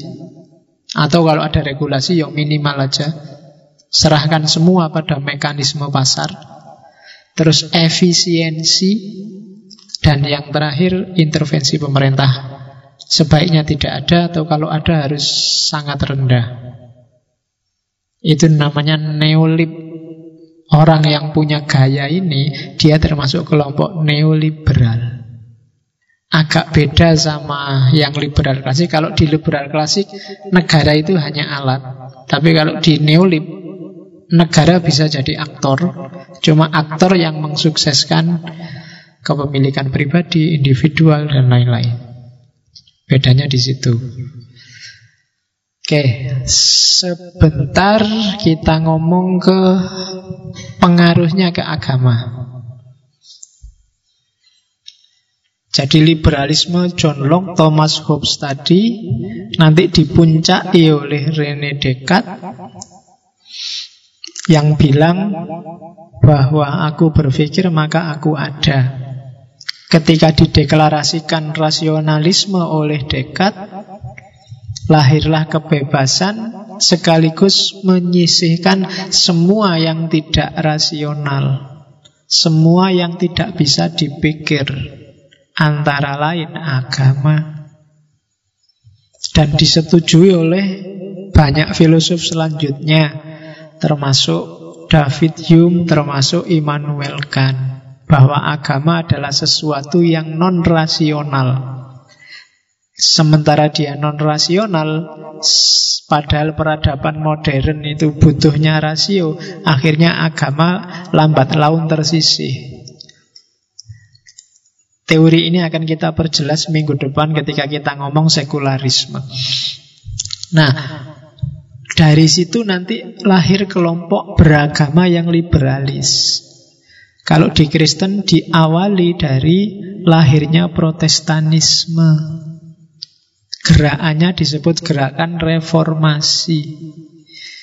Kalau di Indonesia reformasi itu dari era Orde Baru ke era reformasi, jatuhnya Soeharto, naiknya Habibie. Kalau di Barat reformasi itu era ketika lahirnya protestanisme karena menggugat gaya katolikisme yang cenderung hegemonik lewat organisasi gerejanya.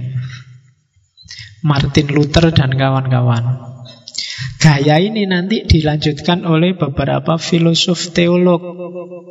Schleiermacher dengan hermeneutika romantiknya, Ritzel dan kawan-kawan. Nah, modus frameworknya, gayanya liberalisme agama, baik yang Islam maupun yang Kristen, itu biasanya ciri teorinya tiga. Yang pertama rasionalisme, rasio yang dipakai. Yang kedua romantisisme, basis idenya adalah kebebasan. Setiap orang itu bebas milih, bebas memutuskan, dan harus tanggung jawab terhadap keputusannya. Yang ketiga, naturalisme kosmologinya. Jadi menganggap alam semesta ini sudah ada mekanisme bakunya, ada sunnatullahnya. Jadi liberalisme dalam agama frameworknya tiga itu. Terus cara berpikirnya apa pun isi pemikiran Islam liberal termasuk dalam Islam itu ada 1, 2, 3, 4, 5, 6 ada 6 gaya terhadap isu apa pun. Yang pertama adalah asumsi bahwa agama itu untuk manusia. Bukan kebalikannya, manusia untuk agama. Agama untuk manusia itu berarti adanya agama harus jelas manfaatnya bagi manusia. Tidak dibalik. Jangan sampai manusia dikorbankan untuk agama. Karena Allah ngasih agama itu untuk kepentingan manusia. Biar manusia hidup nyaman, tentram, sejahtera, menjalankan fungsinya jadi khalifah.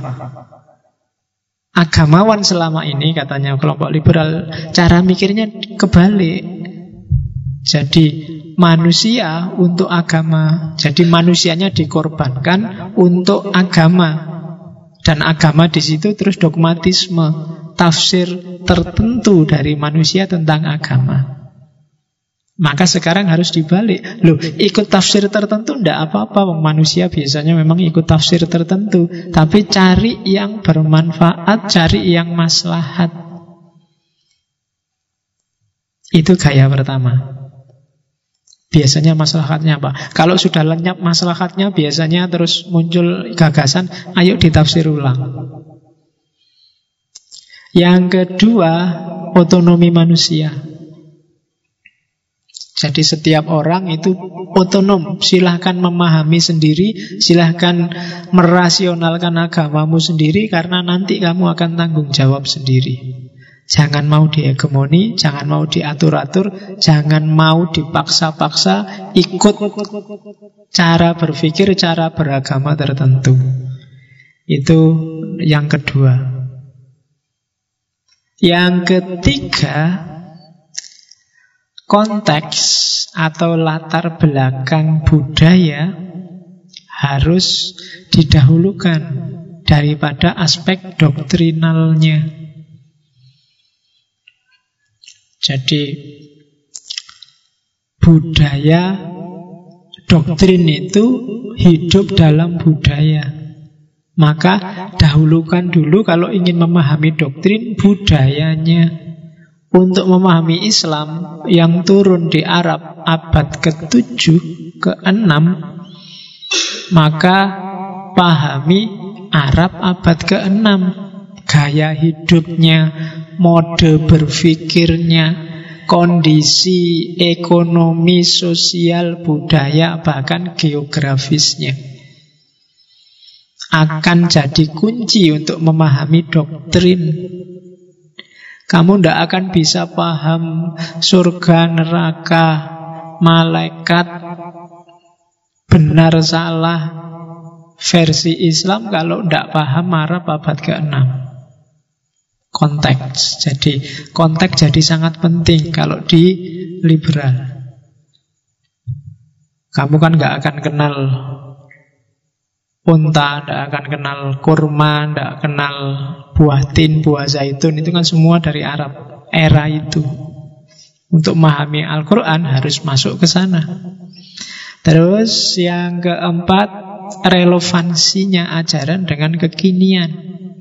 Meskipun kamu harus melihat budaya yang jadi settingnya di masa lalu, jangan berhenti di budaya. Kalau berhenti di budaya, kamu akan berhenti di jenggot, di jubah, di baduk hitam, di apalagi sorban, di berhentimu di situ terus. Jangan berhenti di situ. Kalau sudah paham setting sejarahnya, kamu harus bergerak ke masa kini. Itulah yang disebut nyari relevansi dengan kekinian. Al-Quran nyuruh nutup aurat Dipraktekkan oleh abad ke-6 pakai jubah Indonesia abad 21 pakai sarung sebenarnya juga sudah cukup itu cara mikir budaya dan nyari relevansi. Yang penting kan nutup aurat. Pakai celana jin juga sudah nutup aurat. Pakai apa lagi? Sarung, celana jin, pakai celana kulot yang di bawah dengkul sebenarnya juga sudah nutup aurat. Hati-hati yang pakai kaos. Kan ada yang kaos cingkrang itu. Terus celananya yang low rise Celana low rise itu yang kalau kamu bungkuk terus celana dalammu kelihatan Itu kalau sholat saya tidak tahu ya Kalau sampai kan kalau cowok itu pusar sampai dengkul Pusar sampai dengkul itu depannya saja apa belakang juga masuk Iya, kita fikih itu kan laki-laki auratnya dari pusar sampai lutut. Loh itu pusar lutut depannya aja apa belakangnya masuk enggak? Kalau ditutup depannya aja misalnya bokongnya kelihatan itu sah enggak kan itu. Tanyakan gurumu fikih ya. Loh ya kalau belakangnya juga berarti kalau kamu yang kaosnya terus agak naik terus kelihatan pantat bagian atas itu berarti tidak boleh kelihatan auratnya. Tapi kalau tidak apa-apa sama kiaimu ya tidak apa-apa.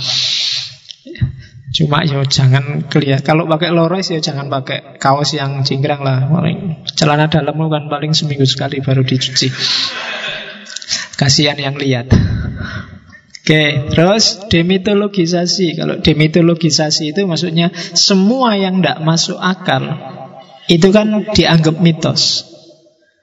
Dan mitos itu tidak bisa dia operatif dalam hidup. Caranya apa? Didemitologisasi, dimaknai secara eksistensial. Biar relevan dengan hari ini dan bisa operatif. Ya misalnya kalau zaman dulu misalnya Abduh Abduh itu menafsirkan Di tafsirnya itu menafsirkan Jin itu sebenarnya bukan kok jin ada makhluknya Jin itu semacam virus-virus Bakteri itu dan seterusnya Nah, itu kan memaknai teks secara eksistensial. Jadi kalau ada kamu sedang flu, itu kan kemasukan virus. Itu mungkin bahasan desonya sebenarnya kamu sedang kesurupan jin. Itu kalau versi Abdu karena virus dan kawan-kawan itu jin. Kalau malaikat itu apa dan seterusnya. Itu kan memaknai mitos sesuai dengan kondisi eksistensial hari ini. Dan yang terakhir Gaya bahasanya juga harus mengadaptasi gaya bahasa kekinian. Untuk biar Islam ini modern, ya gaya bahasanya harus gaya bahasa modern. Dia harus diterjemahkan, ditafsirkan dengan gaya modern. Jadi satu, dua, tiga, empat, lima, enam Ini enam gaya yang jadi modus pemikirannya liberalisme agama. Kalau di Indonesia berarti termasuk Islam yang liberal. Saya kasih Islam yang liberal ya karena tidak selalu Islam yang liberal itu tergabung dalam satu lembaga yang namanya jaringan Islam liberal. Banyak orang yang mungkin cara berpikirnya liberal tapi dia tidak masuk anggotanya sana. Atau mungkin ada yang masuk anggota sana tapi janjani mikirnya nggak terlalu liberal. Karena liberal liberalisme agama atau Islam liberal itu sebenarnya kan kata sifat. Orangnya bisa siapa saja. Dan itu pengaruh dari liberal yang kita jelaskan di awal tadi. Kebebasan manusia, kemandirian manusia, luasnya ruang privat dan mengecilnya ruang publik dan seterusnya. Itu berarti modus-modus yang mempengaruhi cara berpikir liberalisme. Oke, nanti kalau ada waktu kita akan masuk secara lebih detail untuk Islam yang liberal. Karena Islam yang liberal sebenarnya kelanjutan dari sini. Nanti kan liberalisme masuk ke dunia Islam pertama yang membawakan Napoleon dan kawan-kawan waktu dia masuk Mesir. Jadi Napoleon itu masuk Mesir nggak cuma bawa pasukan untuk jajah, tapi dia juga bawa ratusan ilmuwan. Itu yang bikin pencerahan besar-besaran di Mesir muncul generasi-generasi. Generasi pertama nanti Rifa'ah Rofi Al-Tohtawi itu itu generasi pertama. Generasi kedua Jamaluddin Afoni, Muhammad Abduh dan kawan-kawan. Generasi ketiga nanti muridnya Abduh Rashid Ridho, Ali Abdul Razik dan kawan-kawan. Kalau di Indonesia itu sak level dengan Hasim As'ari, Ahmad Dahlan dan kawan-kawan. Dan generasi keempat yang belakangan ini Hasan Hanafi, Arkun dan kawan-kawan. Kalau di Indonesia itu nanti satu level sama Gus Dur, Kholis Majid dan kawan-kawan. Generasi kelima nanti generasinya ngaji filsafat ini. Semoga satu dua tiga adalah yang meletik. Itu itu kalau bahasanya Albert Khorani disebut liberalisme juga dalam agama. Kalau ada waktu kita jelajahi lagi lebih dalam, cuma paling enggak malam ini kita ngerti itu loh yang disebut liberal itu dengan segala konotasi dan konteksnya. Oke, saya kira itu minggu depan kita akan ngomong tentang liberal pluralisme. Ya, ada apa sih pluralisme? Istilah yang paling sering kita dengar beberapa tahun terakhir. Saya kira itu insya Allah ketemu lagi minggu depan. Wallahul muwafiq wal afu minkum wallahu alam bis Wassalamualaikum warahmatullahi wabarakatuh.